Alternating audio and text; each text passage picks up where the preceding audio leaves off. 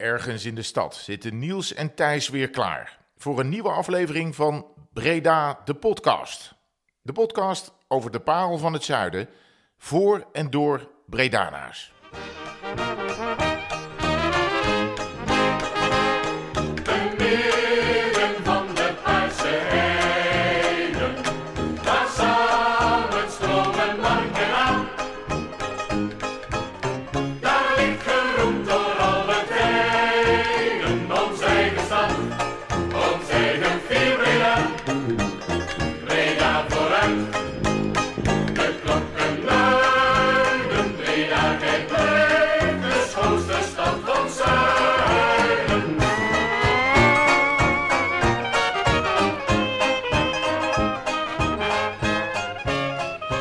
Ja, welkom Bredana's bij de elfde aflevering van Breda, de podcast. Alaaf. Alaaf, ja. De, het feestnummer hebben wij maar, eh, maar omgedoopt. En ehm, ja, het is eh, de elfde aflevering als we zijn, Niels. Dat betekent Ja. voor ons eh, dat we een tijdje weg zijn geweest. Twee maandjes weer geleden dat we hier eh, zijn aangeschoven. Heel druk hadden we het, hè? Niet We hadden het heel druk, ja. Ik heb, eh, ben natuurlijk naar Frankrijk Ja. geweest voor de, voor de Alpe d'Huez. Dank u, dank u. Ja, veel, eh, veel mooie reacties gehad ook uit het uh. Bredaanse. Veel, eh, veel mooie donaties. Hoeveel had je opgehaald totaal? Eh 20.000 met het team. Ja, met team. Dus, eh, Ja, dat goed, was man. echt mooi. Totaal Mooi. 17 miljoen. Ja. Dus eh, erg genoten. En hoeveel deel was van die eh, witte anker tegen kanker? Hoeveel deel was dat? Ja, daar hebben we toch wel eh, volgens mij 1400 euro mee Ja, opgehaald bij. Doc. 70% van mij, denk ik. Van, eh, Dat denk ik ook, ja. Ja, want jij bleef lang, eh, jij bleef lang hangen. Eh, jouw trainingskamp was eh, bij Jess, hè? Ja, ik heb ja, Jess vier dagen ook eh, afgezien, maar dat is ook goed gelukt. Dus dat was... eh, nee joh, prima. En het is, het is lente, hè? het is volle bak mooi weer, man. Dus weet je wat ik veel Ja, dat zeg doen jij nu. Hè? We komen net door de stromende regen hier naartoe. Dat is Eh, waar, dat is waar. Nee, Nee. veel aan het fietsen natuurlijk. Dus dat is... eh, en jij ook toch? Mooi. Ja. En we hebben... Wat hebben we gemist? Ja, de, de, de promotie van uh, NAC, hè? Ja, heel Breda heeft hij gemist. Maar volgend jaar gaat het goed komen. Hebben we al, Ja? eh, hebben we al afgesproken. Ik heb al een plekje op de Grote Markt gereserveerd voor volgend jaar. Heel goed. Hey, waarom mensen denken, wat hoor ik allemaal voor achtergrondgeluid? Eh, Ja. Laten we gelijk maar even vertellen waar we zitten. Ja, bij, we zitten bij eh, de Boerenstappelt. Mooi plekje in de stad. Ehm, komt straks zeker nog uitgebreid aan bod. Dus wat je hoort zijn misschien eh, de glazen en de borden en de, de stampot die op het bord wordt geschept. Dus ehm, we hadden het net over hè, al die mooie plekken waar we al geweest zijn. Nou, voor de elfde is een boerenstampot 50 jaar bestaan. Dat is wel een hele goede, goede keuze. Heb je Ja. goed geregeld, Thijs? Ja, zeker. Laten we gelijk maar even dan de, eh, ja, de, de grote baas erbij halen, de eigenaar. Fred, welkom. Nou ja, hallo. Fijn dat we bij jou eh, in, de, in de Boerenstampot mogen zitten. Eh, we gaan het straks uitgebreid hebben over de historie van, eh, van Ja. de Boerenstampot. Eh, maar wie er ook bij ons aan tafel zit is Dirk van der Voorst. Goedenavond. Welkom Dirk. Eh, mensen kunnen jou eh, wellicht kennen van, eh, van Old Dutch, van Holy Moly, de Markt. Niet meer Lazarus, denk ik. Nee, Heeft het al, is het al verkocht? Ja, of nee? Ja, ja, is, ja. oh, is verkocht. Ja. En recentelijk ben je natuurlijk ook ingestapt bij, bij de Spinola. Daar uitgebreid zo meteen meer over, want we gaan het hebben over eigenlijk het horeca-ondernemen in de stad. Daarom dachten we, nou, we vragen Fred ook alvast erbij. Die heeft natuurlijk 50 jaar lang hier alles, hier alles zien veranderen. Een mooi thema dat ook wel bij jou past, vind ik. eh, horeca. Horeca. Ja, ik eh, probeer Echt? altijd eh, met de trends mee te lopen en daar goed marktonderzoek naar te doen. Goed gedaan, joh. Ja. Maar goed, hè, de pot verwijt de ketel, zullen we maar zeggen, Niels. Want vorige week dons- eh, dinsdag, donderdag probeerde ik jou allebei te bereiken, maar meneer was er niet. Nee, dat Dat zat op het terras. Zat op het terras, ja. Dus jij was de, de grote sponsor deze week. ja, ja. Hey Dirk, wij kennen elkaar al best wel lang. En dat is ooit begonnen bij, bij Café Walkabout. Waar jij toen bedrijfsleider was, denk ik. Klopt, ja. Was dat ook jouw eerste baan in de horeca bij de Walkabout? Nee, ik heb daarvoor nog wel een aantal baantjes in de horeca gehad. Maar dat was wel de eerste fulltime baan. Omdat ik eh, de prachtige studie vrije tijdsmanagement op de NRTV niet had afgemaakt. Dus eh, ik dacht, nou, als ik dat niet kan, dan kan ik de rest ook niet. Dus toen ben ik maar gaan werken. En uiteindelijk eh, in de horeca beland. Wist je vanaf dat eerste moment al van... Hey, dit vind ik zo leuk, dit wil ik ook blijven doen? Of was het toen meer een soort van noodoplossing? Ehm, nou, eh, wat ik eigenlijk echt wilde was eh, echt de evenementenwereld in. Eh, want dat deed ik ook ja, vrijwillig, vrijwillig voor, een, voor een jeugdcentrum bij mij in dorp. En daarbij dacht ik, nou, als ik dit vrijwillig doe, dan wil ik er ook wel betaald voor krijgen. Uiteindelijk is dat nat- natuurlijk niet gelukt. En uiteindelijk, ja, in de horeca, daar kwam ik elke dag. Dus dat werd, ja, via via hoorde ik dat daar een plekje vrij was. En dat ik daar ook bedrijfsleider kon worden.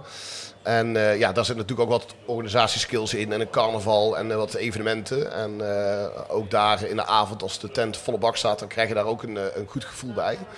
Dus uiteindelijk ben ik daar wel ingerold. En, En dat en- was in, wanneer even voor de luisteraars? Dat was Walkabout heb ik 6,5 jaar gewerkt. Van eh 2007 tot en met 2013. Ah. Ja. ja. Dus, eh, eh, en, en zo eigenlijk gebleven en uiteindelijk vanuit daar gaan ondernemen. En ik denk dat, eh, dat de- basis misschien was als inderdaad dat ik wilde ondernemen. En ik heb heel vroeg wel eens een keer tegen mijn moeder gezegd... Ik wil, eh, ik wil al eh, in een café gaan werken of ik wil een café hebben. En toen zei mijn moeder, ja, maar dan moet je al echt elke weekend werken, elke avond. Nou, toen ben ik er een beetje van afgestapt, maar uiteindelijk zijn we daar naar terug eh, gekomen. Ja, Fred, jij kan het eh beamen, want we waren net al een klein beetje aan het voorpraten. Zei ja, wij zijn eigenlijk elke evenement, elke zaterdag, elke zondag natuurlijk aan het, eh, aan het werk. Ja, je bent altijd, eh, je bent altijd bezig. Van 's morgens 8 tot, eh tot eh 11 uur, half 12. Dus je bent eh, ja, bijna 12 uur, 13 uur per dag bezig. En ook nog eens met alle feestdagen en alle evenementen die er zijn. Feestdagen ook. Carnaval, jazzfestival, dan zijn het, Ja. dan zijn het nog meer uren. Ja, En je haal, wij halen alle spullen vers altijd. Dus het is iedere dag eh, op en neer rijden. Hey Dirk, jouw eerste stap als ondernemer kwam uiteindelijk in 2013. Toen heb je de markt eh, geopend, tegenwoordig gastrobar, de markt. Klopt. Toen nog tapasbar, Ja. eh, de markt. Ehm was dat dat- leek me wel ja, spannende, eerste stap. ja, ja, sorry. Ja, sorry. Ja, was dat even voor mij nog in de tijdlijn? Dat was nadat je de wolken... Ja, na de Walkabout ben ik de markt gaan begonnen. Toen zat het museum eh, nog daar. Ja, Dat heb ja, ik overgenomen. sorry. Ja. Ja. En vanuit daar tappers bij de markt. En eigenlijk precies na, volgens mij één week voor de corona, hadden we de tent prachtig verbouwd. En gingen we door naar Gastro bij de markt. Eh, en de rest is eh, geschiedenis. Ja, ja. Maar wel, wel een spannende eerste stap denk ik om zo daarin te stappen. zeker, zeker. Ik had de eerste mogelijkheid om daar eh, eigenlijk bij de Walkabout te pachten. Maar uiteindelijk ben ik verder gaan kijken en eh, wilde ik graag ondernemen. Eh, ik was toen 8 28, dus vrij jong natuurlijk. En eh, een hele hoop dingen wist ik nog niet. Ik, ik had echt geen verstand van de grote markt. Ik zat alleen maar op de havenmarkt. Dat was echt een wezenlijk verschil. Maar ook terras, keuken, dat was voor mij allemaal de eerste keer. Alleen ja, ik heb wel eh, in die 6,5 jaar tijd heb ik echt wel de ruimte gekregen om echt als ondernemer, ook op financieel gebied, eh, de, te ontwikkelen. Dus ik wist wel veel van, van het horeca gedeelte, maar eh, ja, ook onderdelen die ik, die ik niet wist. Ehm, hoe kwam je erbij dan om een, een tapasbar te beginnen? Ja, dat vond ik zelf lekker. Ja, dat is eigenlijk heel, heel simpel. En, eh, en dat is misschien ook met, eh, met andere zaken. Ja, uiteindelijk eh, moet je iets, volgens mij, ondernemen wat dichtbij je staat. En waar je zelf graag zou willen komen. Ehm, en toen vond ik het heerlijk. Ik ging ook heel vaak naar de, naar de Febo. Dus niet de Febo van de snacks, maar de, de Spaanse Febo hè, die nu in de Halstraat zit. Ja, ik vond dat geweldig, simpel, makkelijk. en nou, uiteindelijk ook in Spanje natuurlijk al een aantal keer geweest. En ik was toen nog niet Tenminste, eh, ja, het, het drie gangen menu en zo, daar hield ik er allemaal niet zo van. En ik wilde gewoon eigenlijk alles proeven. En ook een beetje die borrelsfeer hebben. En eh, vandaar dat ik eh, had gekozen voor uh, tappers. Ook een hele kleine keuken daar. Dus dat was natuurlijk een bruin café in het museum. En eh, uiteindelijk achter in de opslag een soort keuken gemaakt. En eh, daar kwam uiteindelijk behoorlijk wat, behoorlijk wat uit. Maar eh, Zoals? Wat kwam eruit? Dat, ik kwam Nou, ja. heel veel in de muis. ja, eh, dus ik, ik ben wel benieuwd wat eruit kwam. Nee, ja, dus nou, uiteindelijk, de markt is een beetje veranderd, hè, de, de weekmarkt. Maar op een gegeven moment draaiden wij daar wel een, meer dan 150 lunch gewoon op een vrijdagmiddag. Dus nu wel iets veranderd. En ook, ja, wij deden wel een, een 100 onbeperkt tapas. Eh, in de avond op een zaterdag. Dus eh, dat waren, beide was altijd een beetje massa draaien. En uiteindelijk, nou, uiteindelijk ben ik overgestapt naar gastro een gastrobar. eh, mede omdat ik het niet meer voelde. eh, omdat ik daar zelf gezellig wilde gaan zitten. Ja, ja. Dat is niet altijd per se nodig. Maar, eh, Krijg je dat ook terug van, men, van anderen? Of, je, van, van klanten? Of van, eh, Nou ja, we hebben nog steeds mensen wel die voor het onbeperkt afwas komen. Dus Ja. je ziet ook hoe moeilijk het is om dat, eh, om dat te draaien. Hè? Dus om, om een concept te veranderen. Maar we hebben dat toch gedaan. Interieur, ook qua kaart. En ik, ik was gewoon een beetje beu dat je altijd maar op die inkoop moest letten. Want mensen eten ongeveer 7,5 gerechtjes per keer. En dan moest je dan op een euro. En ja, weet je, dan zit je met je marges. En nu kun je gewoon eigenlijk vrij... eh, Ja. En we zijn heel erg overstapt naar de wijnen. Op een gegeven moment vond ik wijnen lekker. Dat vond ik daarvoor niet. en eh, nou, wijnen, kazen, eh, dat soort zaken. en inderdaad meer de, een beetje de gastrokant op. Je blijft natuurlijk een middensegment. Hè, op de grote markt. Maar eh, en dat, eh, ja, dat slaat ook goed aan. Ja. Dus, eh, mooi, ja. ja. gaaf hoor. Op een gegeven Kom, moment kom gaat- graag, kom graag. Hè. Maar we hebben die sponsorboodschap, hè. die heb je misschien al Ja, vorige week. Ja, hè. vorige, vorige, vorige- vorige editie eh, Prachtig. ja. Nou ja, maar dat, dat ook gezegd wordt. Hè. Je zit daar natuurlijk ook op een fantastisch plekje, toch? Je hebt het langste- met de- langste zon van de de zon met, met de bomen. Ja, ja, wel redelijk lang inderdaad. Ja. Ja. Dus, eh, Bij mij eh, laatst eh, in, in dat weekend dat zo warm was, ben ik daar gaan zitten. Want daar was het koeler dan bij mij binnen. Oh ja, ja, door mijn ja, enkele ja. glas. dus eh, dat denk ja, ik ga op het terras zitten, daar is beter te doen. Hey, op een gegeven moment gaat dan denk ik ook echt dat ondernemersbloed meer stromen. Want ja, je hebt een tent, maar je denkt ja, ik ga gewoon nog wat, eh, nog wat beginnen. Ja. Ik weet dat wij elkaar destijds een keer spraken en dat je toen zei ja, ik ga iets nieuws doen. En dat bestaat nog niet in Breda en dat is uiteindelijk de Old Dutch geworden, hè, de sportbar. Ja, klopt. Ja. Dus het eerste idee was eigenlijk om een hele grote Irish pub ergens te openen. Ik had ook nog meerdere locaties voor. En uiteindelijk is dat een beetje omgeturnd in, eh, in sportsbar. Eh, eh, maar dan wel ja, niet de sportsbar van Amerika met de, de vlaggetjes en de shirtjes en de sjaaltjes en de, de, de dames eh, eh, schaars gekleed. Nou, dat had natuurlijk gekund. Iedereen had me wel Daar was je toen nog geen, eh, maar- was je nog geen fan van toen? Nee, nee, nee, Nee. helemaal niet. Nee. Nee, nee, nee, precies. Nee, dus we hebben echt voor een andere eh, ja, keuze, eh, we hebben andere, andere keuze gemaakt om het eh, veel industriëler aan te pakken eh, en eigenlijk alles terug laten komen met de Nederlandse sport. Waarvan we niet alleen maar op voetbal gericht zijn. Eh, dus, eh, eh, eh, en dan van eh ja, Fanny Blankers Koen eh, tot en met nu eh, de helden zoals Max Verstappen. Eh, en ook eh, hebben we bewust gekozen, als we iets van voetbal hebben, is het, nou, heeft het met een Nederlands elftal te maken. eh, in de decoratie of dat soort zaken. Alleen ja, het prachtige NAC is natuurlijk opgericht boven de eerste verdieping. En er ligt een hele mooie tegel buiten. Dus we hebben wel wat details van NAC teruggebracht, ook in de gang. En natuurlijk de naam helemaal uitgeschreven van, van NAC. Eh, en we proberen altijd wel veel zaken met NAC te doen. Ook met het museum, of museum en dat soort zaken. Alleen eh, de laatste jaren is natuurlijk, eh, ja, is de bezoekersaantallen zijn wel teruggenomen. Eh, mede door een, een ESPN, dat je niet weet wanneer welke wedstrijd. En nou, door de lage ranglijst, want hoe lager je staat, hoe minder wedstrijden ze uitzenden. ja. Dus dat is wel zonde. Dus ik hoop echt dit jaar dat we het weer op konden gaan pakken. Maar ja, zoals je zei, ik heb ook een plekje voor volgend jaar gereserveerd. Dan, Merk je dat eh, dan gelijk ook in de, in de aantallen mensen die komen naar zo'n sportsbar? Als NAC er gewoon minder wordt uitgezonden? Nou ja, kijk, ik zeg altijd, sommige dingen zitten mee, sommige dingen zitten tegen met sport. Zo hebben we inderdaad een Max Verstappen. Nou, eh, daar kon je vier jaar geleden, vijf jaar geleden eigenlijk nog niet helemaal eh, bedenken dat dit zou gebeuren. Eh, nou, dit seizoen is dat ook wat minder geworden, hè, want eh, hij staat vier bovenaan. Zo heb je Rico Verhoeven, eh, een, een Nederlands elftal met een Nations League. Dat was er vroeger niet. Zo heb je dan weer een uitschakeling van een WK. Dat is altijd al iets eh, natuurlijk. eh, en, en dat is nu met NAC ook. Je merkt echt, eh, de, de bezoekers waren vooral thuiswedstrijden waren sowieso natuurlijk al wat rustiger. Want iedereen zit gewoon gelukkig in het stadion. Ja. Maar eh, ja, als je een uitwedstrijd hebt en je kan niet wekelijks of twee wekelijks zeggen... wij zenden het uit en dan kan je ook niks opbouwen.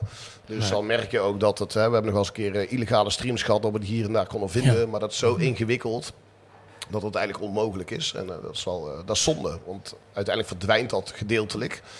Dus, eh, maar En, goed. en, en ja, toch heb ik wel het idee, want een keer, ik, ik kom regelmatig ook hè, bij, bij de sportsbar, dat, dat er ook wel veel internationale, ik heb wel het idee dat er ook wel internationale studenten ehm, zijn. Klopt. Als er, ook, want, hè, als er ook jullie wedstrijden, Ja. ik heb dat tijdens het WK vooral ook gezien, maar goed, dat is Ja. natuurlijk, maar, maar ook wel bij Ja. andere... Nee, ja, zeker. Wij hebben, wij hebben echt, wij zijn de, we hebben 600 zenders. Dus eh, alles wordt daarin uitgezonden. Eh wij kunnen ook op vier, vijf verschillende tv's Ja, verschillende. Dat, dingen ja, uitzenden. ja. En we hebben ook inderdaad door de week hebben wij eh, twee studentenverenigingen. Xenia van Hotel, maar ISN. En dat is Ah, een internationale Oh, Ken studentenvereniging. het. Ken het. Ja. Dus die proberen we ook aan ons te binden. Dat zij ook weten dat, dat Leuk. als zij lief... ja, dat is goed. goed. Dat zie je natuurlijk in, volgens mij in heel veel steden. Dat internationaal, eh, of, dat, dat een sportbar of daar waar sport eh, bij elkaar komt, eh, dat trekt. Hè? En, ja, Zeker, eh, ja. leuk. Nee, dus, dus dat. En, en verder hebben we natuurlijk ook inderdaad als de, de, de mensen uit België komen in het weekend en daar is hij van uit te zenden, merk je dat meteen. Ja, leuk. Dus, en we houden het ook gescheiden natuurlijk met het restaurant. Hè. Dus het restaurant zit boven de, eigenlijk boven de Griek. En, en er is zij-ingang bij de markt, dus daar is nog wel eens verwarring over.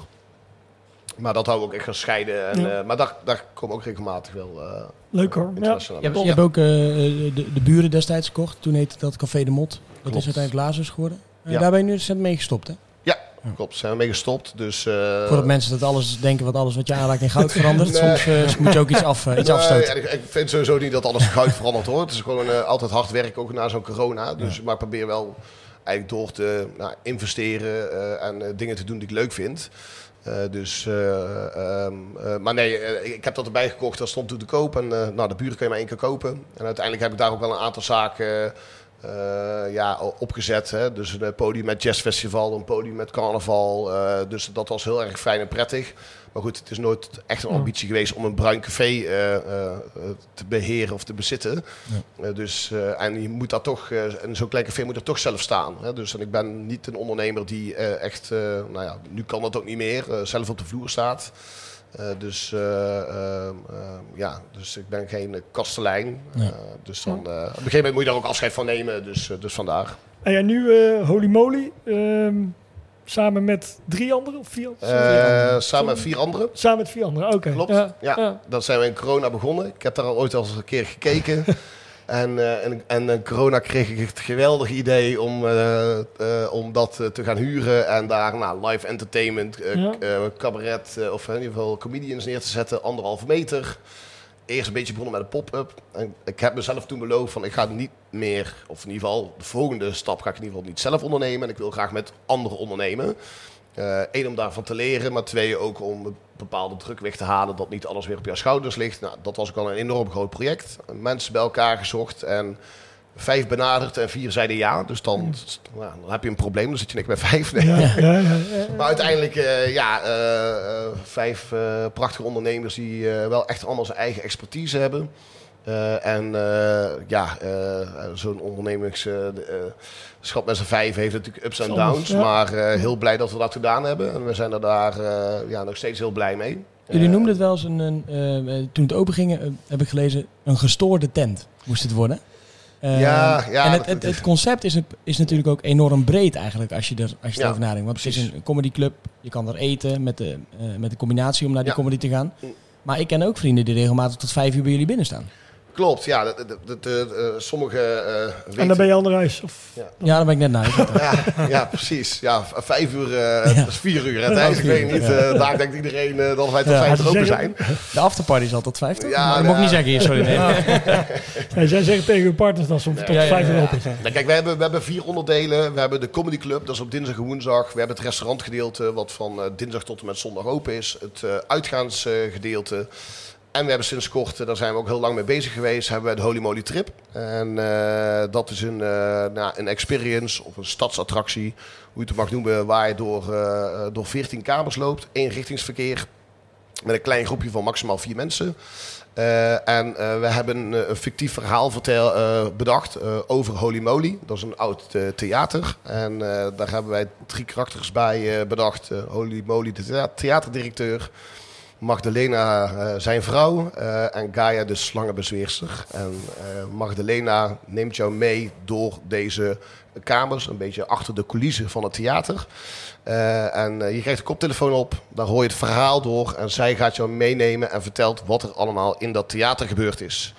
Dus, eh, en dat is eh, ja, eigenlijk voor een doelgroep van, eh, ja, wij zeggen meestal een jaartje of acht. En dan kunnen ze onder begeleiding met de ouders mee. Leuk. Dus er zijn ook al wat spannende dingen die in, de, in die kamers gebeuren. Maar er is ook een bepaalde interactiviteit. Hè. Je kan een aantal tickets hier en daar winnen. Het is geen escape room. maar het is wel leuk om bepaalde interactiviteit in die kamers te hebben.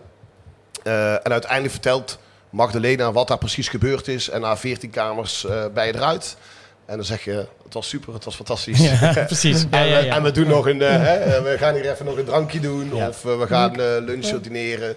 En dat is sinds januari. Dus dat zijn de vier onderdelen.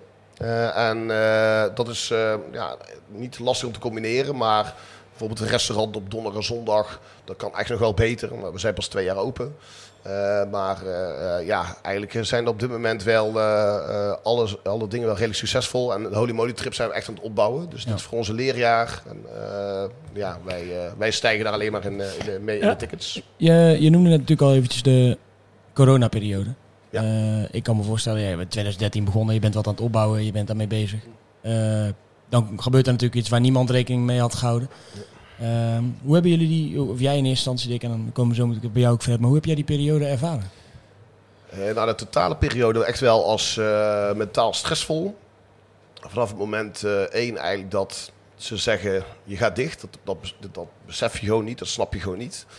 Eh, waarbij eigenlijk daarna de hele sleur komt met wat de overheid eh, natuurlijk biedt. Eh, waarbij, ja, mijn mening is, zal ik maar zeggen, de laatste jaren dat het goed geregeld was door de, door de overheid qua NOW en TVL. Nou, de, de ene liep wat scheef, de andere liep wat minder. TVL, kun je dat even... TVL was omzetverlies. Dus je had eigenlijk personeel als NOW.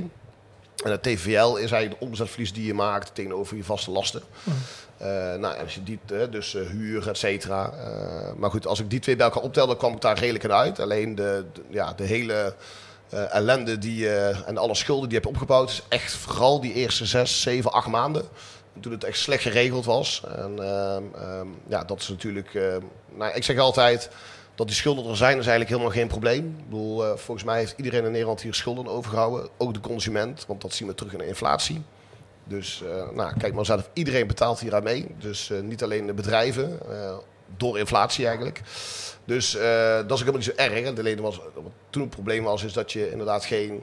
Ja, je ziet geen, geen uitweg. Hè? Je ziet niet wanneer, wanneer stopt dit eigenlijk. En dat is, dat is heel erg mentaal. Van oké, je gaat weer open, dan ga je weer dicht. Hè? Dus ook nou, met de gastrobar bijvoorbeeld. Ja, je kan niet bouwen aan je merk, je kan niet bouwen aan je concept, je kan niet bouwen aan je zaak of met je personeel, eh, dat er een team ontstaat. Want het is alleen maar open, geld binnenhalen wat je binnen kan halen en uiteindelijk, oh, we kunnen we dicht. Dus dat is eigenlijk wel, ja, zo kort mogelijk omschreven wat Ja. dat met je doet. Ja, ja. Hoe was het voor jou, eh, Fred? Nou, voor ons was het eh, is best meegevallen. Want de rekeningen en de privé-zakelijk werd betaald. Maar we hadden geen inkomsten verder. Dus je had geen salaris. We hadden nog een klein beetje dat met afhalen, maar dat was maar minimaal. Want de mensen komen, kwamen ook niet op straat veel. Nee. Dus eh, ze kwamen het ook niet afhalen. Ja, had je de tozo nog voor de gemeente, maar ja, als je al Ja, een partner ja, ja, hebt, dan, Ja. ik was toevallig eh, ja, eh, alleen, dus dan eh, kreeg je wat meer. Ja, ja, ja, ja. Maar zijn, jullie, zijn jullie beiden wel, wel eens bang geweest eh, voor het voortbestaan van jullie, van jullie zaken, van jullie nou, ondernemingen? Nou, dat niet. Want ja, we zaten er al, we zaten er al 40 jaar, dus ja, echt... eh, Op het begin misschien een beetje Nee. van, eh, Ja. oké, waar gaat het heen? Hoe ver bouwen die schulden? De schulden Ja, meer en ja. meer en meer. Op een gegeven moment... Ja, we hadden dat geen af. schulden wat dat betreft. Nee, omdat Nee, we nou ja. zoveel jaren in Ja, zaten klopt. natuurlijk. Mooi. We hadden toch al iets opgebouwd. Ja. Hè? Nou mooi, er- ik- er zijn er genoeg eh, televisiepraatprogramma's over geweest. Nee, over dit absoluut, onderwerp. zeker, dus het is, eh, maar het, het, het, het ziet jullie ook, denk ik, hoe jullie daar nu ook eh, over, over spreken. En eh, even naar jou, eh Dirk, want de Spinola, hè, dat is, eh, we Ja. hebben even een... Thijs heeft dat heel goed uitgezocht. Hè. Thijs is onze eh, Ja. onderzoeker ook. En die eh, is een mooie beweging door de tijd. En daarom superleuk Ja. dat je hier ook nu zelf over vertelt. Ehm dat, dat richting Spinola, hè, dat is eh, ook iets wat, eh, wat jij inhoudt en mooi vormgeeft. En Ja. ik ben er met Jess heel erg, echt, echt, ik vond het fantastisch. Ook sowieso hoe het opgetuigd was, was natuurlijk prachtig weer. Ja. Maar ook met het eh, echt anders dan anders. Hè, want Ponton was erbij natuurlijk. Ponton was achter, maar daarachter Ja. normaal had je die, die wat meer die tentoverkapping. Het was nu een veel openere sfeer, ook vanaf de kade. Althans, dat is mijn... eh, ehm, maar Spinola is denk ik meer dan alleen jazz. Maar ehm, Ja, nou ja, goed. De, de, de, eh, goed er heeft even natuurlijk Bilbo's Boot in gezeten. Ja, ja. Prachtige zaak met, eh, met cocktails. eh, maar die hadden toch wel wat problemen met locatie. Dus nou, met die boot, je moet een trapje aflopen en zo. Dus vandaar dat zij ook de boot aan ons... eh, de, boot is nog steeds van hun, maar we hebben het, het concept eh, of in ieder geval eh, Ja. gekocht. Ehm, eh, nou ja, we hebben eigenlijk onmiddellijk gezegd van wij gaan dat weer natuurlijk terug, de naam terugbrengen, Spinola. En we zijn ook binnen, ja, we zijn nu een beetje de bo- boot aan het verbouwen, ook aan de binnenkant waar we de geschiedenis terug willen laten komen van Spinola. We weten wat voor waarde dat heeft in Breda en dat vinden we zelf ook. We zijn daar, en die, eh, die boot is nog steeds goed, ook van buiten. En Ja. dat, dat is, je bent Ja, van die- binnen aan het ja. verbouwen, maar... Ja, die, die was niet meer goed. Dus Nee. die, eh, zoals ik me heb laten vertellen door, die, de, de- door, de, door eh, Geert en Jeroen, eh, die hebben die naar een scheepswerf gebracht. Ja. En eh, die zei dat had geen kilometer langer moeten zijn, want het was hij gezonken. Dus, eh, Ik, heb wel gemist. Is die een tijdje weg geweest? ja, ja, ja, dus hij, zij hebben het overgenomen hè, van, eh, Ja. van, van Paul, die daar eh, nou, vanaf het begin af aan in heeft gezeten. En zij hebben hem eerst uit, eruit gehaald, volgens mij 2019, dat heeft toen in de krant gestaan. Ze hebben iets van, volgens mij van 14.000 eh, kilo staalplaten er opnieuw gemaakt. Dus heel de, de, de hele ja, buitenkant is opnieuw omheen gemaakt. En toen hebben ze hem weer teruggebracht. Dus hij kan echt weer een tijd mee. Dus zal, eh, waarschijnlijk eh, kan hij de komende tien jaar nog gewoon in het water blijven liggen. En dan zal hij weer een inspectie nodig hebben. Ehm, en eh, nou ja, dus wij kregen eigenlijk wel een, nou, een hele oude boot die wel gerestaureerd was. Ja. Dus eh, ehm, en ehm, ja, uiteindelijk gaan wij daar, we hebben daarvoor gekozen om daar een evenementenlocatie van te maken. Ja. Omdat wij, nou ik vind zelf eigenlijk ook dat het best wel lastig is om daar een horecazaak in te maken. Nou, tegenwoordig eh, Ja. zonder keuken hebben we daar een kleine keuken in zitten. Daar kan er nog vrij veel mee. Eh, maar eh, in die boot, het terras ligt wat lager. Mensen willen uit het terras altijd mensen kijken. Dat Ja. kan daar minder makkelijk. Nou, en als je juist een evenement hebt of een, een, een bruiloft, Of dan zit je juist wat lager. Dus dan zit je wat beschermder. Dus, eh, ehm, en daarnaast ook met, met de andere zaken. Ik heb een sales manager en... ik heb een Ja. aantal functies eh, eh, eh, heb ik al in mijn bedrijf lopen die dat daar door kunnen zetten. Ja. Ja. Dus dat is een kort idee erachter. Ook weer met twee, andere, twee andere jongens. Dus, met, Maar, maar is, is het nu al ook al open als evenementen? ja, ja, ja. Oké. sinds 1 april hebben we het overgenomen. Ja. Eind april kon je daar al eh, Ah. kon je daar je feestpartij, bedrijfsborrel, ja, you name it. Eh, kun, je daar, eh, eh, kun je bij ons een offerte aanvragen. En ondertussen zijn wij ja, natuurlijk heel hard bezig geweest met het jazzfestival. En nou, dat is eigenlijk ook wel iedereen natuurlijk wel de, de spie van kent. Zeker. Ja. En het zou wel- eigenlijk geen, eh, geen ponton zijn dit jaar hè, bij het Nee. Ook. klopt. Zijn jullie, zijn jullie ingesprongen eigenlijk. Ja, wij, wij wisten eigenlijk bij de onderhandelingen al dat dat op losse schroeven stond. Eh, en dat, eh, nou ja, lang verhaal kort eigenlijk, dat eh, de, de pontons zijn eigenlijk al door Spanjaard Schat eh, eigenlijk geregeld, vergunningtechnisch en eh, ook eh, financieel. En eh, uiteindelijk hebben die voor zichzelf de stekker eruit getrokken. waardoor Jazz eigenlijk eh, ook op een eh, ja, positie kwam te staan. Ze zeggen, ja, maar dit kunnen wij ook niet betalen. Eh, en uiteindelijk is het voor eh, twee stichtingen is het heel lastig. Alle prijzen enorm gestegen. Flink vooruit betalen. Eh, ja, ook. Hè, risico nemen natuurlijk. Dat is echt wel heel anders als stichting. Eh, en uiteindelijk zijn wij in de laatste moment ingesprongen. Hebben wij ja, nou ja, een- een- een- eigenlijk een groot deel van de pontons betaald. En daar afspraken over gemaakt met het jazzfestival. We hebben ook wel een groter risico ingenomen. Dus, hè, want je moet ook een heel groot bedrag betalen. Eh, wat terecht is trouwens voor gewoon de sponsoring en de programmering. En eh, wat iedere podium eh, moet doen. En, maar goed, vroeger was dat gewoon anders geregeld. Maar wij zien zelf ook wel dat wij dat gewoon als commerciële partij gewoon daarin moeten springen. Nou, dat hebben we gedaan. En uiteindelijk is dat heel goed uitgepakt. Maar we hebben toen wel gezegd, oké, wij willen wel op een andere manier de beton inrichten. Dus inderdaad met die hele grote overkapping die je zag. En we hebben een, een, een, hoe heet het, een VIP-lounge gecreëerd. Eh, en eh, nou, dat was ook nu heel kort dag, anderhalf maand alles geregeld. Eh, we hebben in ieder geval redelijk vol gekregen, dat, de VIP-lounge. Maar dat zijn wel voor ons extra inkomsten om... Nou, uiteindelijk bij de ondernemer vol, Ja. volgens mij, om eh, te zorgen dat je dat kan, kan gaan betalen. Ja. En eh, ja, misschien is dat ook wel... Ja, en daardoor ook de, de, de kracht en de kern van jazz te behouden. Toch? Want het is Ja. natuurlijk een van de. natuurlijk, Nou, volgens mij is het een, een, een toppodium. hè. Ik ben nou Ja. bij een aantal hele goede optredens ook geweest. Hè? Ja, dus, eh, zeker. daar Ja. komen natuurlijk ook wel Klopt. goede artiesten. Ja, het dus staat daar gewoon, het- en- en- staat helemaal vol. Maar ik vond het goed geregeld, want je kon, je kon wel gewoon goed het podium Ja. op en af. En Ja. het ja, de zon Ja. scheen lekker en die Ja. schijnt daar toch het Ja. langst. Ja. Dus Ja, is, we hadden nu ook twee bruggen liggen. Normaal gesproken was één. Dat wilde de gemeente ook graag natuurlijk met, met eh, nou ja, stel dat er nood is. We hadden een ander soort podium waar we wat schuiner hadden gezet. Een kleiner podium, want normaal gesproken heb je daar 15 man orkest op nodig. Maar goed, we zijn ook alweer bezig met volgend jaar. En we zijn in gesprek met Spanjaard Schat. En, en daar, daar willen we ook heel graag mee helpen. Want uiteindelijk ja, is dat wel een feit dat... eh, ja, je kan niet eh, eh, alleen maar eh, ervan uitgaan dat je op subsidie leeft. En, eh, en, dat is natuurlijk prachtige, prachtige evenementen zijn dat. Eh, maar ja, wij nemen ook als onze verantwoordelijkheid om, eh, om daarmee eh, financieel daarmee in te springen. En, eh, en ook aan ondernemen te denken natuurlijk van hoe kunnen wij daar weer onze centen uithalen. Ja, dat, is, dat is logisch, want ja... eh, als, we- we- we- ja, we kunnen Nee, het ook ja. gratis doen natuurlijk. Ja. Je wil wel centen verdienen natuurlijk. Hè? en het is Nou geven, ja, geven en nemen dan, toch? Nou ja, uiteindelijk wil je natuurlijk eh, iets zo prachtigs neerzetten. En eh, ja, dat, dat zo, zo'n ehm, ja, jazzfestival, dat geeft echt een kick en super tof. En volgend jaar willen we dus, eh, hè, dat ligt er altijd drie weken, willen we eigenlijk een aantal dagen ons eigen eh, festival bij Pinksteren organiseren. En dan heb je de derde week heb je dan voor uh, Spanjaard Schat. Ja. En eh, zo zijn we dit jaar ook bezig met de havenfeesten, dat we pontons neer willen leggen.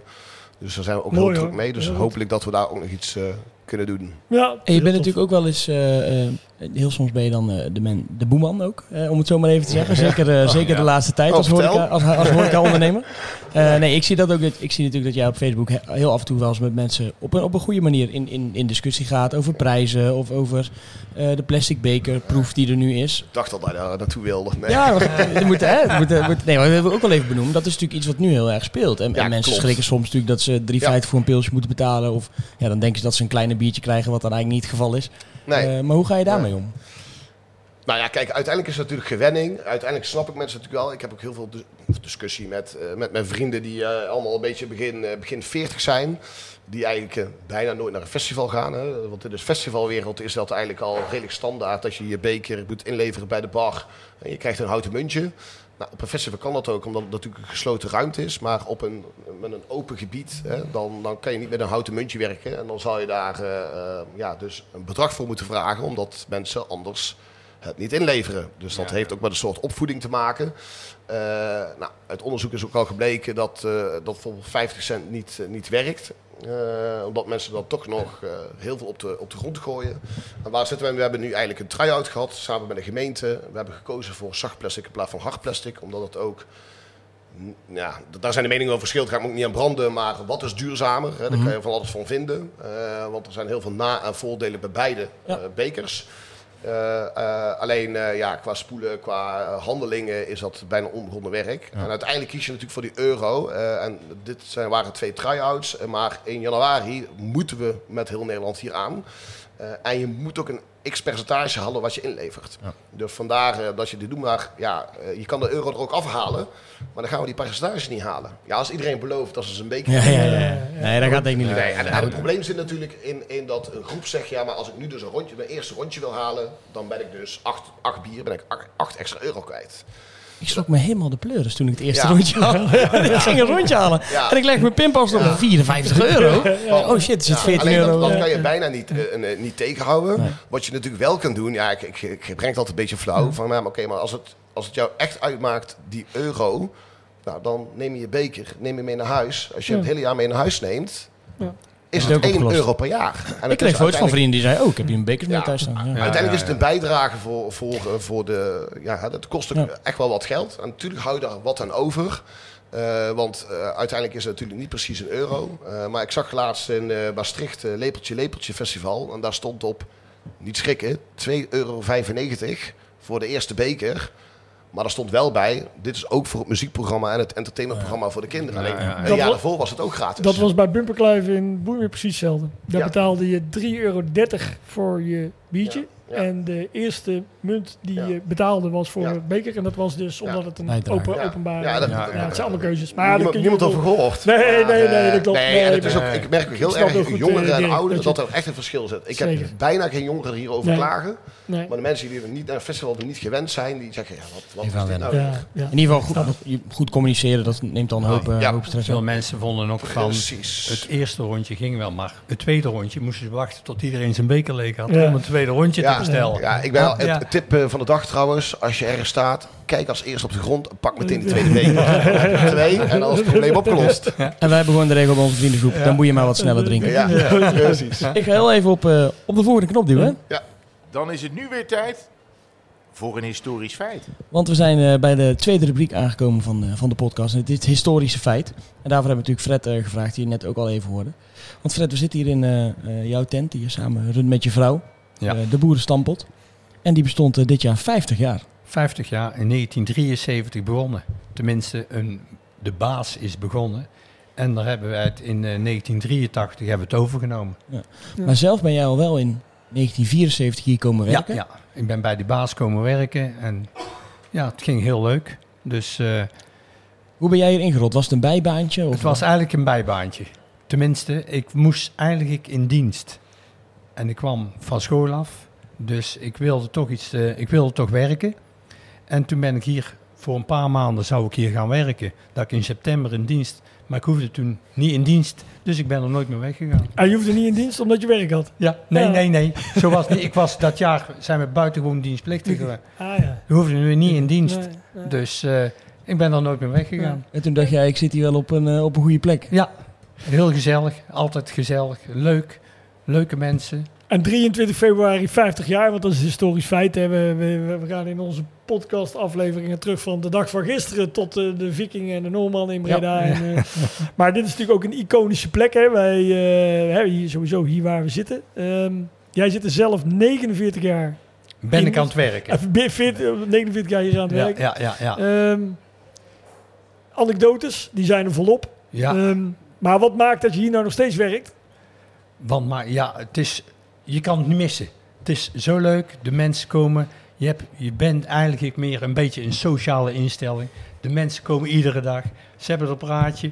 Ze brengen zelfs een, er gebak mee of ze pakken er eigen flesjes. Het is, ja, Mooi. er komen al mensen die komen al 40 jaar iedere dag eten.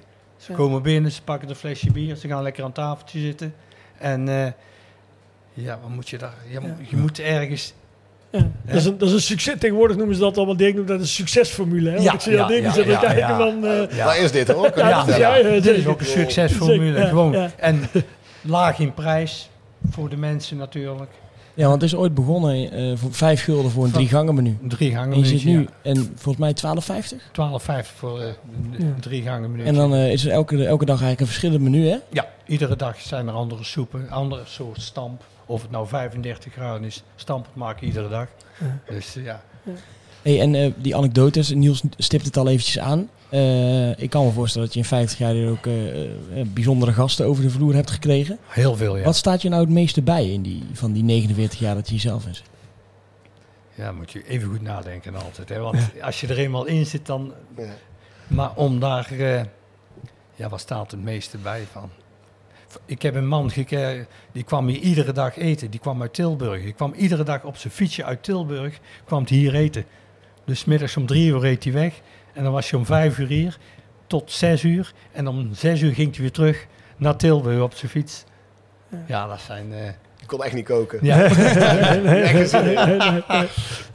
Maar, maar goed, want jij, jij zegt het ook, hè, voor de mensen die hier nog niet geweest zijn. En ik, ik, ik, ik, ik kom hier de laatste tijd iets meer eerlijkheid gebied te zeggen, iets minder vaak. Mijn kinderen houden niet van stampot, dus die, eh, nou ja... De, Dat is schande. Maar, dat is, Ja. dat is schande. Ehm, maar ehm, nou ja, weet je, ik, ik ben hier vroeger geweest. Ik denk, jij ook, je had net over de Zeker, ja, ik heb ja. ook in Breda altijd rondgelopen. En, eh, eh, het was Veel natuurlijk ook studenten. eh, ve- veel studenten, Ja. maar ik, ik, ik denk ja, de- ook volgens mij de mensen, de, de, zelfs de expats. Hè. Ik, ik ken wel mijn oude buurman, die werkte bij Amgen, die kwam uit en die vond het fantastisch om hier te gaan eten. Dat is natuurlijk ook het, Ja, het- ja, het ja. mooie en veel van de KMA-jongens die vallen Ja. zo binnen wat Ja. dat betreft. Ja. En vroeger hadden we, nou, wat de zusjes nou is, zat Spaarselect. Ja.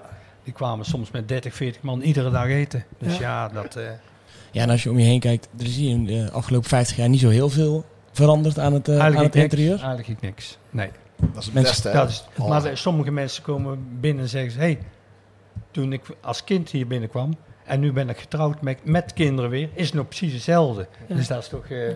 Ben ik meestal jaloers op. Op zaken die, die gewoon al 40 jaar weet ik, oh, dat is Ja. ma- echt makkelijk. ja, ja, echt. Daar hoef je niet veel aan te veranderen. Nee, wat allemaal, precies. eh, Ja. Ja, Je moet gewoon, dat- aan het begin moet je gewoon een goede concept kiezen, Dirk. Ja, Ja, ja, ja, ja, ja. wat is een goed concept natuurlijk. Ja, dat weet je niet. Jij wilde geen drie gangen menu, zei je bij, toen, je de, toen je de markt had geopend. Maar misschien had je het moeten, had je het moeten doen. Nee, Ja. juist die diversiteit. Hè, we zitten hier voor een Breda de podcast. Juist die diversiteit van de stad maakt onze stad mooi. Hè. Dat hoef ik jullie als Ja. eh, ondernemers niet, eh, niet uit te leggen. Maar we hebben, ik vroeg het net aan jou. Hè. Eh, Samen met je vrouw was je bezig. En, want jullie zijn super actief. Hè. Jullie beginnen 's ochtends om, je zei het, je gaat Al om acht acht uur, half negen dan- gaan we weg. Naar de macro. En dan alle Ja. dagen zelf. De spulletjes halen, soms bij de boer, wat goedkoop is natuurlijk. Want Ja. je moet wel aan de prijs kijken natuurlijk. Ja. Hè? Dus eh. Heb, heb je wel eens geen zin om naar je werk te gaan? nee, ik Fred? ga ieder mooi fluitend. Mag mijn vrouw beamen, dus eh, nee, dat is... eh, Ja, er wordt geknikt. ja, ja. Dus eh, nee, je doet het met plezier en eh, Als je 49 jaar hier al werkt, dan zit je al op een respectabele leeftijd. ja, Hoe zien de... zullen we het allemaal niet over hebben. nee, nee. maar hoe zien, de, hoe zien de komende jaren eruit? Hoe De lang, hoe lang, ben, je, jaren? hoe lang ben je nog Nou, door? Ik probeer nog een jaar of vier door te gaan. Dus eh, Heel goed. nee. Ja. Nee, nee, je weet het nooit Nee. natuurlijk. Je kan altijd iets krijgen en dan, eh, hè, dan kan het ook gauw afgelopen zijn. Dat kan, dat kan. Maar dat... eh, En we hebben het geluk natuurlijk dat we de pandjes in de goede tijd hebben kunnen kopen. ja. Dat je niet voor kosten zit. En dat is toch wel het voornaamste. Wat anders, ik denk niet dat we een voor die prijs kunnen doen. Als je voor eh, een redelijk eh, huur zit, Ja, jullie, doen ook, jullie doen ook eigenlijk echt alles zelf, hè? En je vrouw ja, hier, hè? Ja, ja. Van het schoonmaken tot het Ja, koken, tot de boodschappen ja, doen. Ja. Ja. Dus eh, ja, daarom ben je veel bezig natuurlijk. Het schoonmaken en het- onderhoud. Dus het is altijd wel iets in oude panden natuurlijk. Ja, wat van, wanneer- van wanneer af is dit pand? Hoe oud? Ik denk dat het pand uit eh 1850 zoiets. Wat hoorde dit nou vroeger bij het kasteel, of niet? Nee, Dit- nee, nee. oh, ik dacht nee. dat dit blok... Of is dat... Oh, dat Nee, dacht nee. ik wel. Er goed. waren vroeger altijd huisjes. En toen is er een stadsbrand geweest in, Ik geloof 1850, 1840 Ah. zo. Toen is eigenlijk de binnenstad eigenlijk helemaal afgebrand. En toen zijn er eigenlijk de stenen huizen gekomen. En daar uh, stamt Dat, het uit. dat, ja, ja, mooi. Ja. Ja. mooi. Nou, voor de mensen die er nooit geweest zijn, kunnen we natuurlijk eh, alleen maar zeggen, ga langs. Ja. In de schoolstraat. Eh, de deur staat altijd open hè, als jullie Ja. open zijn. Zondag en maandag zijn jullie dicht, hè? Zondag en maandag dicht. Ja, Vier uur binnen. Ze mogen tot half acht. ja, Kunnen ze binnenkomen. En Ja. dan is het afgelopen. ja, mooi. Heel goed. Fantastisch. Eh, Nou, nou, da- dankjewel in ieder geval dat we hier ook eh, mogen zitten. Hè? Want dat is natuurlijk ook wel, Ja. eh, vinden wij van de makers en de bedenkers van dit juist. Die stond al heel lang op ons lijstje. En Thijs was ook al, eh, omdat het ook echt een, ja, een markante plek is om te zijn. Dus, eh, nou, Ja, ja, icoon ja. voor de stad, als je mij vraagt. Zeker. Ik bedoel, het is een eh, vaste prik voor veel mensen. En ook, ik denk veel Bredana's kennen. En anders moet je zeker een Ik keer... denk het ook wel. In heel Nederland wel, denk ik. Ja, Zelfs in Tilburg. Hè? Die, Ja, eh, ja, nou, ze komen uit, als je jazzfestival eh, of carnaval pakt, komen ze uit heel Nederland. Ja, dat, ja, dat hebben we dan weer liever niet. Maar daar, daar hebben we- daar hebben we later, een keer- hebben we later nog wel een keer over, Fred. We gaan eens even kijken of wij eh, onze volgende gast even in kunnen bellen. eh, voor het... eh, ja, mooiste plekje terwijl van, dat eh, jij belt, van de hebben stad. wij ook nog een mooie boodschap, toch? Oké. dat is goed, ja. We gaan eerst natuurlijk even naar de... Ik, sorry, ik zou het bijna vergeten, maar... eh, Anders kunnen we deze podcast niet draaien. eh, Hè? Nee, we Ah. moeten natuurlijk de software weer allemaal betalen. We zijn, al, we zijn namelijk al een jaar bezig. Dus ik denk dat alle abonnementsvormen opnieuw eh, worden inge- ingestart. Dus we gaan eerst even naar de commerciële boodschap. Jeetje Thijs, ik heb zo'n respect voor jou. Begin juni op die Alpe d'Huez. Ik hoorde dat jullie superveel geld hebben opgehaald. Top joh! Weet je wie er trouwens ook topwerk leveren? De artsen van Bergman Clinics in Breda. En daar weet Niels dan inmiddels alles van. Toch Niels? Hoe is het met je Achillespees? Kun je alweer een beetje hardlopen?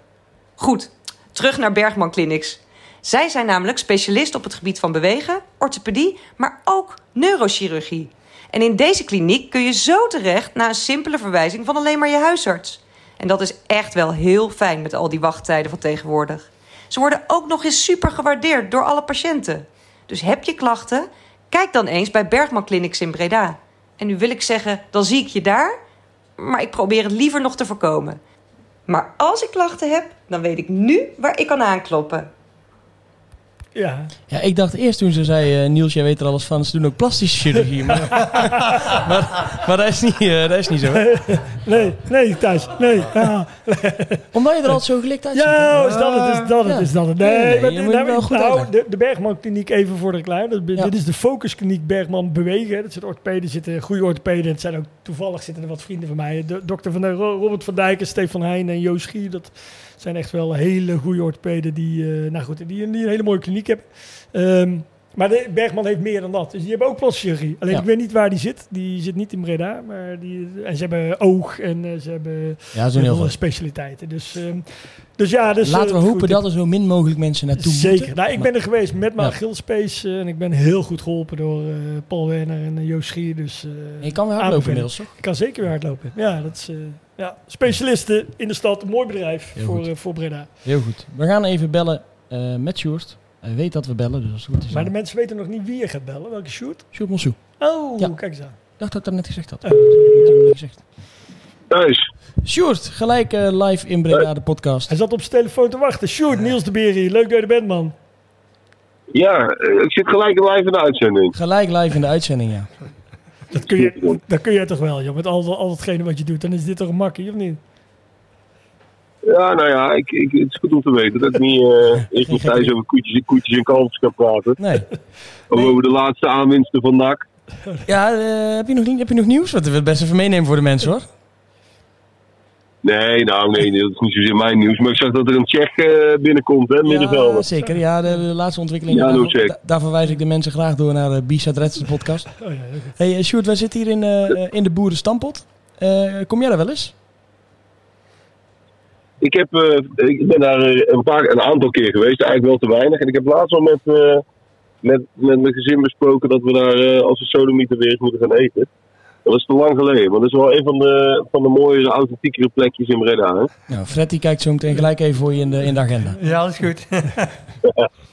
Heel goed. Hey Sjoerd, we hebben jou eh, eh, ook gevraagd eh, om jouw mooiste slash meest bijzondere plekje van de stad met ons te delen. In de rubriek meest mooie plekje van de stad, uiteraard. Eh, ik zou zeggen, hou de, man, de mensen niet langer in spanning. Eh, wat is dat plekje geworden voor jou? Ja, ik, ik, er stonden natuurlijk wel een paar mooie plekjes in jullie lijst, die mocht ik niet meer kiezen. Maar eh, ik, nee, ik kies voor Café de Bommel. En eh, dat is niet alleen Café de Bommel. Eh, dat, dat ga ik zo nog uitleggen. Eh, het gaat me vooral om het feit dat. eh, Breda is een echte caféstad. En mijn vriendin komt niet uit, niet uit Breda. En die is er nog steeds nog wel eens verbaasd over in de positieve zin van het woord. Dat, ehm, dat het in Breda zo voorkomen vanzelfsprekend is om even lekker naar het café te gaan. Met, met familie of met vrienden. En even snel een biertje te drinken of koffie. Dat is in hele grote delen van Nederland is dat heel anders. Ehm, als je in het oosten of het noorden van, van Nederland komt, dan, dan daar kennen ze die cultuur veel minder. En, ehm, en dat vind ik heel tof aan de stad. En, en nou, dus daarom wilde ik ook een café kiezen. En dan, dan kies ik voor de Bommel, omdat ik, ik vind dat esthetisch gezien eh, het mooiste café van Breda sowieso, maar, maar sowieso een van de mooiste cafés van Nederland. Ik vind dat daar echt alles klopt. Aan de, aan de inrichting, aan de sfeer. Ehm, het, is een, het is een bruin café, maar niet een zeg maar Amsterdams bruin café. Dus meer een, ja, een beetje tussen Randstad en, en Vlaanderen in, zeg maar. Zo'n soort bruin café is het. En ik vind het, eh, ik vind het gewoon een, eh, een, een prachtige ja, soort huiskamer. Waar je eigenlijk op ieder tijdstip van de dag eh, ja, wel goed terecht kan. 's ochtends voor een krantje en een kop koffie. En vooral in het weekend, een beetje zo aan het einde van de middag, ben ik, ben ik groot fan. Dan zou ik een beetje kinderen, kinderen rondlopen en mensen van alle leeftijden. En eh, ja, dat vind ik gewoon eh, een prachtplek. Daar kom ik graag. Ja, het is natuurlijk ook, eh, je hebt daar nog ook wel een bijzondere, bijzondere band mee in de zin dat jullie daar ook altijd bier en ballen organiseren. Die keuze stond vrij snel vast, denk ik, als ik dit zo hoor. Ja, ja, dat is alweer tien jaar geleden hebben we bier en ballen een keer bedacht als een soort voorleesavond in het café. En toen dachten we, nou, het is wel leuk om bij de bommel te doen. Eh was toen een beetje een gok, omdat eh, in Breda is het best wel lastig, is mijn ervaring, om, eh, om publiek stil te krijgen. Want, want mensen staan liever gewoon lekker te houden met, met een biertje erbij. En ehm, dus we hadden best wel twijfels van, zou dat wel gaan lukken? Krijgen we die zaal wel stil? Maar ja, dat lukte wonderbaarlijk genoeg.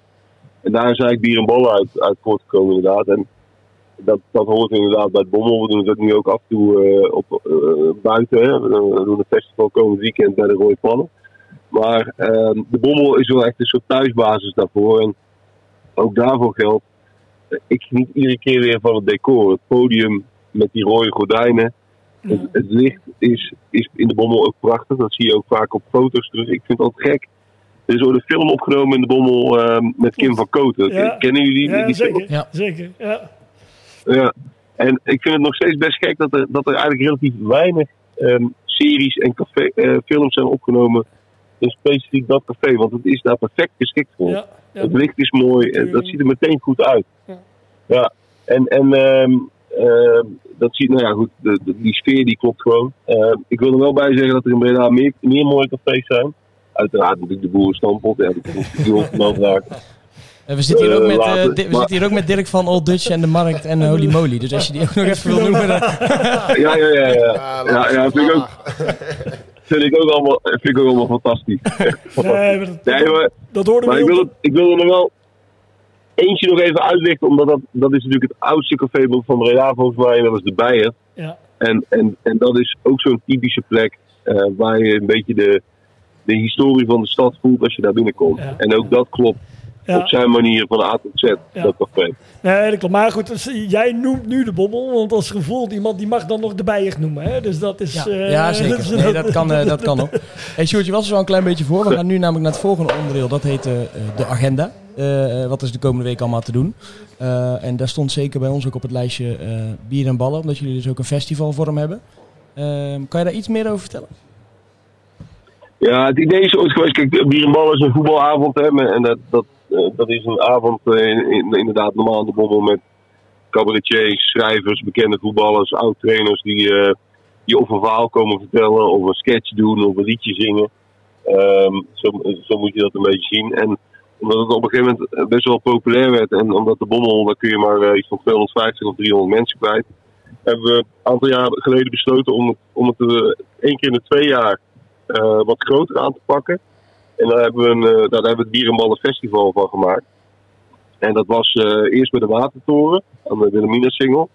Eh, maar die locatie was helaas dit jaar niet beschikbaar door, een, ja, door de natuur. We moesten op zoek naar een nieuw, nieuwe plek. En, en dan zijn we op de prachtige plek van de Rooi Pannen uitgekomen bij de oude Zelig-kazerne. En daar hebben we twee dagen lang een heel uitgebreid en gevarieerd programma van sprekers. En dat zijn weer inderdaad cabaretiers, voetballers, schrijvers, Ehm, en dan hebben we op zaterdag, komende zaterdag, zeg maar, noemen we de festivaldag. Dus dan gaat het over voetbal in het algemeen. En dan komen de mensen die met, die met allerlei soorten clubs een, eh, een band hebben. En op zondag hebben we de speciale NAC-dag. Dus die staat helemaal in het teken van NAC. En ehm, hebben we vooral mensen die uiteraard iets met NAC hebben. En ehm, ja, het is een festival zoals je een festival voorstelt. Dus met foodtruckjes, met, met eh, twee podia, Bier. met een mooie tent. Ja, uiteraard bier. Mooi weer. Ehm, mooi weer. als het goed is wel, ja. ja. Ja, dus wij- eh, het ziet er allemaal eh, goed uit. Ja, ja, wij gaan het meemaken, Thijs en ik, eh Sjoerd. Dat sowieso. Ik, ik, ik kreeg vanmiddag nog een, eh, misschien dat je daar nog heel even kort iets over kan zeggen. Berichtje van eh, Joep de Kroon. Ehm, van de, de, de, het goede doel, hè, wat, eh, wat jullie gekoppeld hebben. Hij zei, doe nog even een oproep voor die kleding of sportspullen die je mee kan nemen. Wat kunnen we heel even vertellen wat daar, wat dat goede doel is? Ehm, nou, je hebt het mooi samengevat. Het, het, het, eh, het goede doel is het Jeugdfonds Sport en Cultuur. En het Jeugdfonds Sport en Cultuur zorgt er eigenlijk voor dat eh, eh, kinderen uit achterstandsgezinnen in Breda, dat die kunnen sporten of lid kunnen worden van een vereniging. Dus wij halen geld op om eigenlijk de contributie te verzorgen voor kinderen die dat niet kunnen Ja. betalen. En daar is het fonds voor. En we hebben inderdaad verschillende acties tijdens het festival om daar zoveel mogelijk voor op te, voor op te halen inderdaad eh, eh, het inzamelen van sportkleding, zoals dat eh, ook op onze socials is aangekondigd.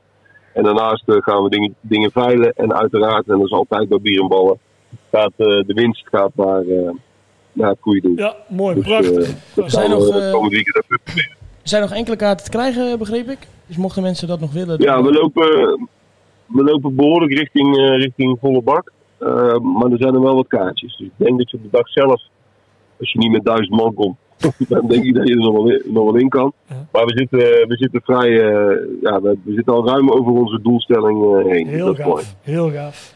Nou, veel succes dit weekend, Sjoerd. Eh, dank voor het delen van jouw eh, mooiste plekje. En eh, eh, ook bij deze de uitnodiging van mensen. Ga ze een kop koffie, een biertje of een, een drankje doen bij, bij de Boemel. Dommel, zeker. Sjoerd, Of, bij een van die schitterende cafés die jullie net noemden. Ja, precies. Ja, daar kan er nog maar even bij. Hè. Ja, ja, goed. Hey, dankjewel, Sjoerd. Dankjewel, Mooi. Sjoerd. Hoi. Yo, succes hè. Ja, bedankt. Hoi, hoi, hoi. Houdoe, houdoe. Nou, dat was het, eh, eigenlijk het bruggetje naar ons laatste onderdeel ehm, eh, van onze podcast. eh, de 11e, ehm, dat is onze agenda. En eh, wij komen direct nog op een aantal agendapunten richting jullie. Maar we hebben net even een switch hier aan de tafel eh, eh, gehad. Ehm, Joyce, eh, met een bijzondere reden zit jij hier. Eh, misschien dat jij ehm, even vertellen wie je bent, wat je doet... en waarom dat wij jou gevraagd hebben om eh, die agenda even te openen. Dat is goed. Nou, allereerst dankjewel. Uh, nou, ik eh, ben Joyce. Ik ben werkzaam voor Breda Marketing. En ik ben hier eh, eigenlijk om vanavond iets te vertellen over de Blind Floor. Ehm, ik denk dat heel veel mensen me inmiddels al gezien hebben. Ligt op een hele prominente plek. Hebben wij een eh, kunstwerk samen met eh, Blind Wall Galleries gemaakt. Ehm, en dat is door een Spaanse kunstenaar gemaakt. En het, eh, nou, het is een kunstwerk in de vorm van een halfpipe. En eh, eigenlijk hebben we dat gedaan om een stukje op deze manier, eh, hè, op een eigen tijds manier, de geschiedenis van Breda te vertellen. We hebben natuurlijk een heel mooi verhaal rondom de Nassau's, dat relatief onbekend is onder Bredanaars en ook bezoekers. En eh, nou, we hadden gedacht, weet je, je kunt weer een geschiedenisboek gaan pakken en op die manier een verhaal vertellen. Maar dat doen we niet. We doen het op een andere manier. En eh, vandaar dit project. Ehm, de Blind Floor is afgelopen zondag officieel geopend. Vorige week was eigenlijk al een beetje de kick-off, want toen eh, konden Bredanaars samen met ons eh, de vloer schilderen. Ja. Dus meer dan 130 mensen hebben zich daarvoor aangemeld en hebben in die hitte onder tentjes eh, 120 liter verf verspijkerd op die vloer. En 2 liter zonnebrand. Ja. Dat is een mooie insight. Ja, Ehm, nou, zondag de opening geweest en nu eigenlijk nog twee weken lang een, eh, een heel mooi programma daar te beleven. Wat bestaat uit eh koren, dans, ehm skateworkshops, circus act, ehm, nou ja, noem maar op. eh, allerlei workshops door Breda actief georganiseerd. Dus eigenlijk Waar, waar kunnen we dat programma vinden? Sorry, royalroots.nl. Oké. Daar staat het eigenlijk volledig uitgelegd. En op de vloer zelf, op het kunstwerk aan de zijkant, kun je het ook terugvinden. Ehm, het is gratis toegankelijk voor iedereen. Echt een programma voor jong en oud. Echt met het doel dat eh, iedereen op deze manier een stukje van eh, de mooie geschiedenis eh, van Breda ontdekt. Het ligt op het Kasteelplein, hè, het kunstwerk. Ja. Ligt staat, het is, het, het is maar net hoe je het interpreteert. Ja. Ehm, En er komt eigenlijk heel veel komen die Spaanse tegels komen erin terug. Hè? Dat is Ja. de basis van het ontwerp van het kunstwerk. Ja, klopt. En daar is natuurlijk voor gekozen door de, voor de bijzondere band die er met Spanje ook is. Ja, dat klopt. Ehm, een stukje geschiedenisles daarin. En dan probeer ik hem niet eh, stoffig te maken. Je had eh, een belangrijke persoon was eh, Hendrik III. Die trouwde met Mencia de Mendoza, een van de rijkste bruiden vanuit Spanje. En ze hebben een enorme invloed gehad op de ontwikkeling van, van Breda. Toen ze En, eh, elf was trouwens, las ik toch? Of niet? nee, dat was Johanna van Polaren. Oh, sorry. Dat, dat is dan weer een ander. Ja. Dat is het gevaar altijd, hè? Ja. Al die en al die mensen. Ehm, nee, de, de- z- zij waren iets ouder. eh, maar eigenlijk met de komst van Mencia ook hebben ze van het, eh, eh, het kasteel een paleis gemaakt. En daar is eigenlijk eh, ook de oogtegel toen heeft zijn intrede gedaan. Dus ze hebben kunstenaars gevraagd om Sorry, wat, wat is er de intrede gemaakt? De? de oogtegel. Oké, Dus oh, dat is hè, de inspiratie Ja, ja. eh, voor ook nu het kunstwerk wat er Ja. ligt. En eh, die is dus speciaal voor Breda ontwikkeld. Dus alleen in het kasteel eh, te vinden geweest. En vandaag de dag eh, in de tentoonstelling in het, in het museum. Eh, maar dit was inderdaad de bron eh, eh, als inspiratie voor, voor de Spaanse kunstenaar nu. Dus bewust ook daar weer voor een Spaanse kunstenaar gekozen. Om die Ja. banden met het verleden eigenlijk te laten zien. En waar ik ben nu naar, wie heeft dit nou als idee geopperd om dat nu in één keer op de vloer te doen? Want nou, het idee is eigenlijk gekomen, het is een initiatief van Royal Roots. En Royal Roots is eigenlijk een nieuw platform wat door Breda Marketing en het Stedelijk Museum ja, opgericht is. Ehm, wij waren eigenlijk beide met de vraag bezig, hoe kunnen we nou dat stukje geschiedenis wat zo gevormd heeft wie wij vandaag de dag als stad zijn, op een nieuwe manier vertellen. Daar waren we eigenlijk parallel van elkaar mee bezig. Ehm, nou, toen we dat ontdekten, zeiden we, ja, dan laten we dit samen gaan doen. Daar is Royal Roots uitgekomen. En ja, dat is eigenlijk een stadsbreed programma wat we de komende jaren verder gaan ontwikkelen.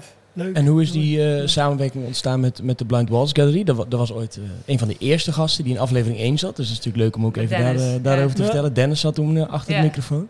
Ehm, hoe is die samenwerking ontstaan in deze? Nou ja, daar kwam eigenlijk het idee vanuit hè, een blind wall, een blind floor. Ja, op het moment dat je zo'n link maakt van Ja, willen een ja. kunstwerk vanuit een, vloer, vanuit een wand naar een vloer, hè, hoe ga je met een projectie doen? Ja, dan is er wat ons betreft maar één partij die daar op deze manier invulling aan- Ja. aan kan geven. En, eh, dus we zijn met Dennis om de tafel gaan zitten om te kijken. En hè, ze hebben dus vanuit Blind Walls het initiatief helemaal uitgewerkt met de kunstenaar. Zoals ze normaal dus die permanente muren doen, hebben ze nu die tijdelijke vloer, eh, het kunstwerk ontwikkeld. Ja, ik loop Ja. elke dag eh, even langs als ik naar, de, naar kantoor Ja. ga. Dan loop ik eh, via het park. En dan Ja. een foto gemaakt? Nee, nee, nog niet. Eh, vanochtend was ik heel vroeg. dus heb ik ook nog niet... eh, maar, maar het is twee weken het programma en daarna gaat, gaat het weg? Of blijft er dan nog een deel Nee, dan, eh, dan, gaat, hij, dan gaat hij in principe weg. weg? Ah, ja. En wat we er dan mee doen, ja, dat is een beetje afhankelijk van de staat. Hè. Gaan we hem dan op een andere plek misschien opnieuw opzetten, op het zoet of ja. Ja. noem maar op.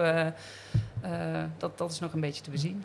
Dus wil je er zeker van zijn dat je het eh, kunstwerk spot, dan heb je nog tot en met zondag 2, zeg dat 2 goed? juli. Zondag Ja. 2 juli om even, even langs te gaan. Ja, en het programma bekijken. op- Royalroots.nl Ja, om ja. eh, Ja. een- bij een van die activiteiten eh, aan te sluiten. Eh, Super, George, leuk moeite. eh, dat je dit kwam toelichten. En als mensen daar nou nog vragen of reacties op hebben, dan is dat ook via de Royal Roots. Of kunnen ze dan met, Mar Ja, met ze jou... mogen of- ook met Breda Ja, Marketing bellen, dan Oké. eh, staan Ja. we graag te woord. Heel goed, dankjewel. Ehm ja, Thijs, ehm, we zitten er bijna, bijna een uur, man. Jeetje, Ja, dat is gezellig. heel goed. Ja, zeker. Maar dat is lang weg geweest, hebben de mensen wat te luisteren. zeker. Ja, voor, voor als ze die, eh, die tolweg naar eh, de periferiek van Frankrijk staan Ja, op vakantie, daarom. kunnen ze gewoon eh, lang luisteren. Ehm, wat is er nog meer te doen? Ehm bier 1 en bal juli, hebben we ja, gehad. 1 juli is, eh 1 en 2 juli is ploegendienst. Ploegendienst bij eh de. Galsmeren. Ja. Maar weet je weet je bij de Galsmeren hoe je dat nu, weet je hoe je er kan komen? Er staan drie van die windmolens daar vlakbij, weet je? Kun je zo Ja, fietsen? heb je toch eh, vorige keer zitten, heb je over zitten klagen. Doe ik nog steeds, blijf Ja. ik over klaren. Ik was met de kinderen weer bij de Galsmeren. Het is toch foei lelijk, man. Echt waar. En voor, de, voor de rest van de tafel, Niels is boos dat wij, de jongere generatie, nog iets aan verduurzaming proberen te doen. Eh 8 juli, ook een hele bijzondere dag. Zondag nak, Zundert-Nak, aftrap van het, eh, van het nieuwe seizoen, het kampioenseizoen. Ja. Of in ieder geval promotieseizoen. hopen we. En Ja. dan eh, hadden we ook nog gevonden, de, dat waren de palmparkies, maar de brandparkies vanaf 11 juli in Breda. We keken net even samen naar het programma. Toen zei je, hou maar op. Niels Geusbroek kennen we. En die komt ook als, eh, die komt als eerste. Als, als eerste. En dan, maar dat is ook volgens mij altijd in de zomermaanden in het Valkenberg zijn. En elkaar ontmoeten toch. Dat is eh dat is charme Dat van is, dat. ik vind dat dat ook mooie, eh, mooie evenementen van de stad. Ja. Ik denk dat Brand er niet zo bij, blij mee is dat wij het nog steeds associëren met palmparkjes. Maar ja, dat is een eigen probleem, eigen probleem. Tenzij ze sponsor willen worden van de volgende uitzending dat natuurlijk. Dan kunnen wij daar altijd even over, eh, over babbelen hoe wij dat in de, in de toekomst gaan noemen. Dat zou kunnen. Gaan wij hem eh, denk ik lekker afronden. Dan blijven wij precies binnen, binnen het uur. Eh, wil ik Fred graag eh, bedanken dat wij eh, Dankjewel, bij jou mochten, mochten zitten. Super Bij de. Applaus. Dirk voor het eh, delen van je Zeker. verhaal. Joyce dat je wilde, wilde aanschuiven. En, Sjoerd eh, bedankt. Sjoerd bedankt. Ja, jullie bedankt. Graag, Graag gedaan. Kleine moeite. Eh, wij zijn er eh, over een tijd weer. We zeggen nooit wanneer, want we kijken gewoon wanneer dat, eh, wanneer dat uitkomt. Maar we komen terug. Maar we komen terug, zeker. Zeker. Hey, Ja. goeie zomer. Goeie zomer. Dank jullie wel. Oké. hoi. Ja, dat was hem alweer. Als je genoten hebt van Breda de podcast, abonneer je dan. Laat een recensie achter. En volg Breda podcast op Instagram. En heel graag tot de volgende keer.